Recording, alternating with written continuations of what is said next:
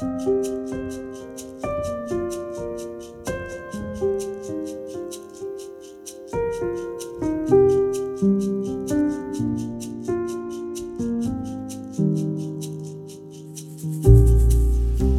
rundt 15 år har hånda mi fungert som en pedagogisk huskeregel for slitesterke trospraksiser.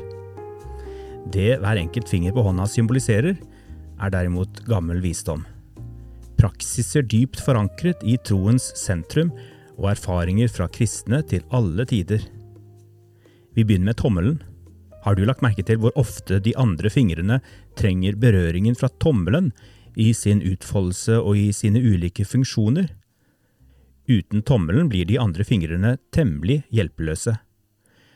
Å praktisere kristen tro er alltid en respons på Guds initiativ og berøring. Bevegelsen begynte hos den treenige Gud, som kom alt menneskelig i møte. Gud bøyde seg ned da Jesus Kristus ble født som et menneske og ble Jesus fra Nasaret. Evigheten brøt inn i tiden. Immanuel, Gud med oss. I min håndregel ble derfor tommelen et symbol for den treenige Gud. Slik de andre fingrene er i stadig berøring med tommelen, har Gud berøringspunkter med oss mennesker i ulike dimensjoner av vår tilværelse. For å huske og systematisere trengte jeg å forenkle. Lillefinger, ringfinger, Langfinger og pekefinger fikk lov til å symbolisere fire berøringsflater i livet mitt, som hver for seg forløser slitesterke og tidløse trospraksiser. La oss fortsette med lillefingeren. Lillefingeren symboliserer mitt liv som berøres av Herren, representert ved tommelen. Idet jeg hviler, leker, prater, ber og lytter i stillhet. Den minste fingeren på hånda kan lett betraktes som uproduktiv og unyttig, litt som det lille barnet. Men den har sin egenverdi uavhengig av hva den produserer. Den symboliserer daglig kvalitetstid med Gud gjennom bønn, bibellesing eller en blund på sofaen. Så er det ringfingeren. Den symboliserer livet mitt i fellesskap. Vi som berøres av ham hver gang to, tre eller flere er samlet i Jesu navn. Den som er forlovet eller gift, bærer ofte en ring på denne fingeren som et tegn på forpliktende kjærlighet. Ringfingerens praksiser kommer for meg til uttrykk når jeg ukentlig samles med kristne venner vekselvis i husfellesskapet og i det større gudstjenestefellesskapet. Hva med langfingeren, da? Jo, den rager over de andre fordi den symboliserer det å lede seg selv og andre. Før eller siden er det noen som begynner å se opp til oss Yngre søsken, egne barn, barnebarn, onkel eller tantebarn, kollegaer, naboer, teammedlemmer i menighetssammenheng eller jobb. Når langfingeren berører tommelen, bøyer den seg samtidig ned og blir den minste. Slik uttrykkes Jesu forbilde som en tjenende leder, Guds egen sønn som ble sendt til verden. Han som bøyde seg ned og vasket disiplenes føtter. Han sender oss. Å tjene og lede er som synonymer i Guds rike. Hvem tjener du for tiden? Hvordan praktiserer du din tjeneste for andre? Pekefingeren er den siste av de fire fingrene som tommelen berører. Det er ikke symbolet av en løftet pekefinger til formaning vi her snakker om.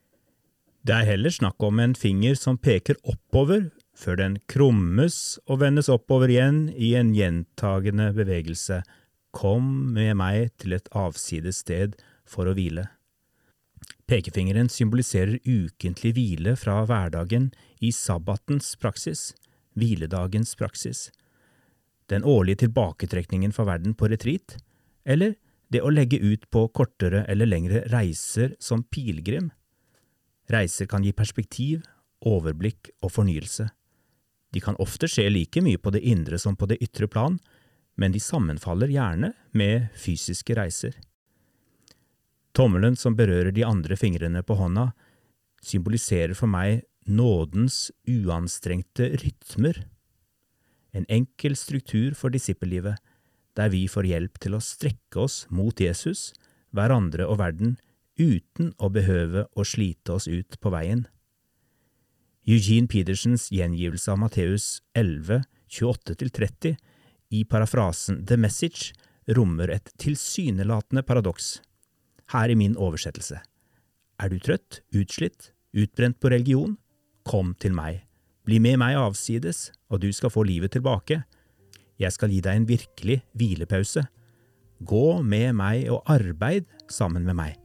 Se hvordan jeg gjør det. Lær nådens uanstrengte rytmer. Jeg skal ikke legge noe tungt eller upassende på deg. Følg meg og lær å leve friere og enklere.